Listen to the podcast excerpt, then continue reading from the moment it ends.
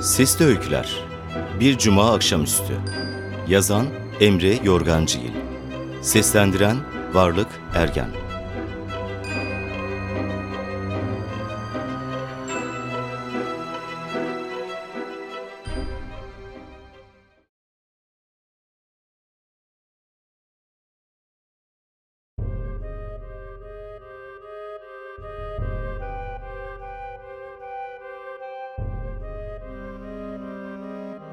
Lanet olası cuma trafiği. Dur kalk, dur kalk. 3 kilometrelik yolu 40 dakikada aldık. Neyse ki köprüye doğru yol açılmaya başladı. Tam hızlanmışken dikiz aynasında hızla yaklaşan bir motor gördüm. Önünü açmak için sağa kırdım. Gene de tam kaçamadı. Geçerken dikiz aynasına sürtündü. Aynanın camı olduğu gibi çatladı. Hızla uzaklaşan motorcunun arkasından bağırdım. Ulan hayvan herif! Yeni çıktı araba sanayiden. Böylece hafta sonu sinir bozukluğuyla başlamış oldu. Eve gelince arabayı özellikle uzağa park ettim. Handan fark etmeden ilk fırsatta yaptırmam lazım dikiz aynasını. Zaten kadın kazadan beri tepkili bana. Cins cins bakışlar, uzak durmalar filan. Kardeşim ne var yani? İki bira içtikten sonra araba sürmek suç mu? Mıcıra kaptırıp bariyerleri sürtündük birazcık. Hepsi o kadar yani.'' Kaskosu çizildi arabanın. O kötü oldu bir tek. Eve girdim, Handan'ın elinde telefon, iki büklüm vaziyette, kafasını bile kaldırmadı ben girince. ''Hayatım, ben geldim.'' Zoraki bir ses sonuyla, ''Hoş geldin.'' dedi. ''Çok kötü trafik vardı bugün. Sinirim bozuldu köprüyü geçene kadar.'' Cevap yok. Odaya gidip üstümü değiştirdim ağır ağır. Oyalanırken aklım onda. ''Senin nasıl geçti günün?'' Duymazlıktan geldi. Sonra daha yüksek bir ses tonuyla tekrarladım. Her zamanki gibi işte. Telefonum yavaşladı biraz. Yanına gittim, ayağı bile kalkmadı. Ben ısrar edince sarıldı ancak. Handan, ne oluyor? Gene neyi triplisin? Yok bir şey. İşte telefonuma güncelleme yapıyorum, ona kafam takıldı. Boş ver, kendi kendine güncellenir o.'' Elimi beline attım hızlıca, sonra da dudağına yapıştım.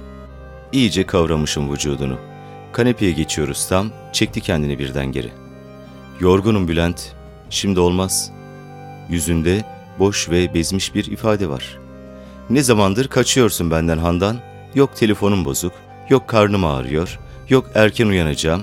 Hayırdır, ne kafası bu? Gene her zamanki cevap. Yok bir şey, daha fazla tartışıp cuma akşamımı rezil etmek istemedim. Kapıyı çekip bahçeye çıktım. Oğlanın servisini beklerken bir sigara yaktım. Hala hınçlıyım. Hem motorcuya hem de Handan'a. Kafamın dağılması gerek. Benim departmana yeni başlayan mühendis kızı aradım. Yavaştan samimiyet kurma zamanı geldi onunla da. Kız meşgule attı. Neyse bir daha ararım. Karşı komşu bahçeyi suluyor. Beni görünce birkaç kez baktı ama selamlaşmadık. Sevmiyorum elemanı. Anlayamadığım bir uyuzluk var herifte.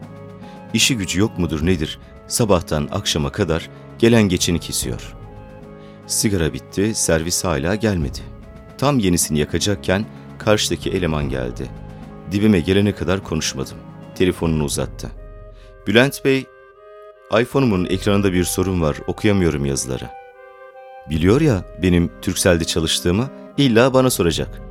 Soğuk bir bakışla aldım telefonu elinden. Göz ucuyla baktım. Görüntü gitmiş. Ciddi bir şey olabilir. Ee, servise götürün. Götürdüm işte. Ekran kartı değişecek dediler. E değiştir o zaman. Herif hala karşımda dikiliyordu. Zaten servise götürmüşsün. Bana neyi soruyorsun daha? Birden sırıtmaya başladı. Sinirlendim. Herif bizim eve doğru yöneldi ve bağırdı. Handan! Üst üste gelen saçmalıkların hıncıyla daha fazla dayanamadım ve herifin yakasına yapıştım. Sen benim karıma nasıl adıyla seslenirsin ulan yavşak?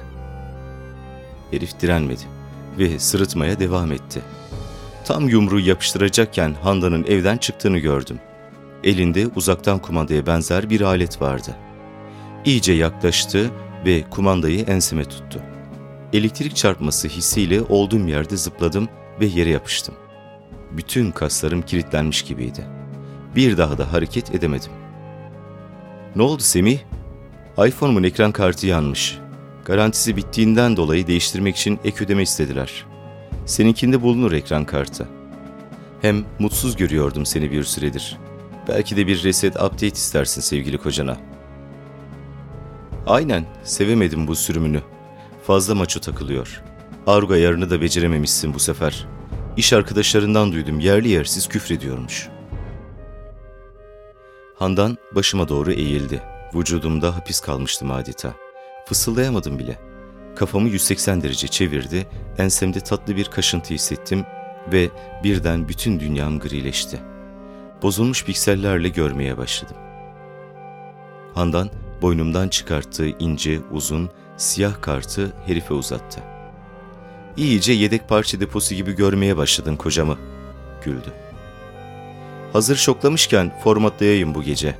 Var mı aklında yeni bir güncelleme? İşlemci gücünü yükselt biraz. Daha çabuk proje bitirsin de daha çok prim kazansın. Ne yapacaksın o kadar parayı? Mutlu değil misin sen? Bilmiyorum Semih ya. Geçen gün annesi geldi, imalı imalı konuştu. Kokunu alamıyorum artık. Şampuan diye çamaşır suyuyla mı yıkanıyorsun? Bilmem ne. Açık vereceğiz de birileri anlayacak diye aklım çıkıyor. Birkaç ay daha idare edelim. İyice para biriktirince kapatıp Bülent'i gidelim buralardan. Oğlumu da ikna ederiz öldüğüne. Doğru diyorsun aslında. Emniyette lisanssız üretilen replikanların peşine düşen bir birim kurmuşlar diye duydum. Bülent de göz önünde yaşıyor şimdi. GBT'ye takılır filan bir çevirmede. Herif Handan'a doğru eğildi, uzun uzun öpüştüler. Boş ver replikasını da kazandığı parayı da. Her gün her akşam seninle olmak istiyorum Handan. Bu tutkunu gördükçe Bülent'in bomboş yolda bariyerlere dalması garip geliyor Semih. Talihsizliğin de böylesi derdim ama neyse. Sarmaş dolaş vaziyette eve doğru yöneldiler. Bütün bunlar yaşanırken kaldırıma yapışmış ve hareketsiz vücuduma hapsolmuş vaziyetteydim. Gözümü dahi kırpamadım. Ancak şahit olduğum manzaranın dehşeti kalan gücümün son damlasıyla bağırmama yetti. Ulan puş herif! Dokunma lan karıma!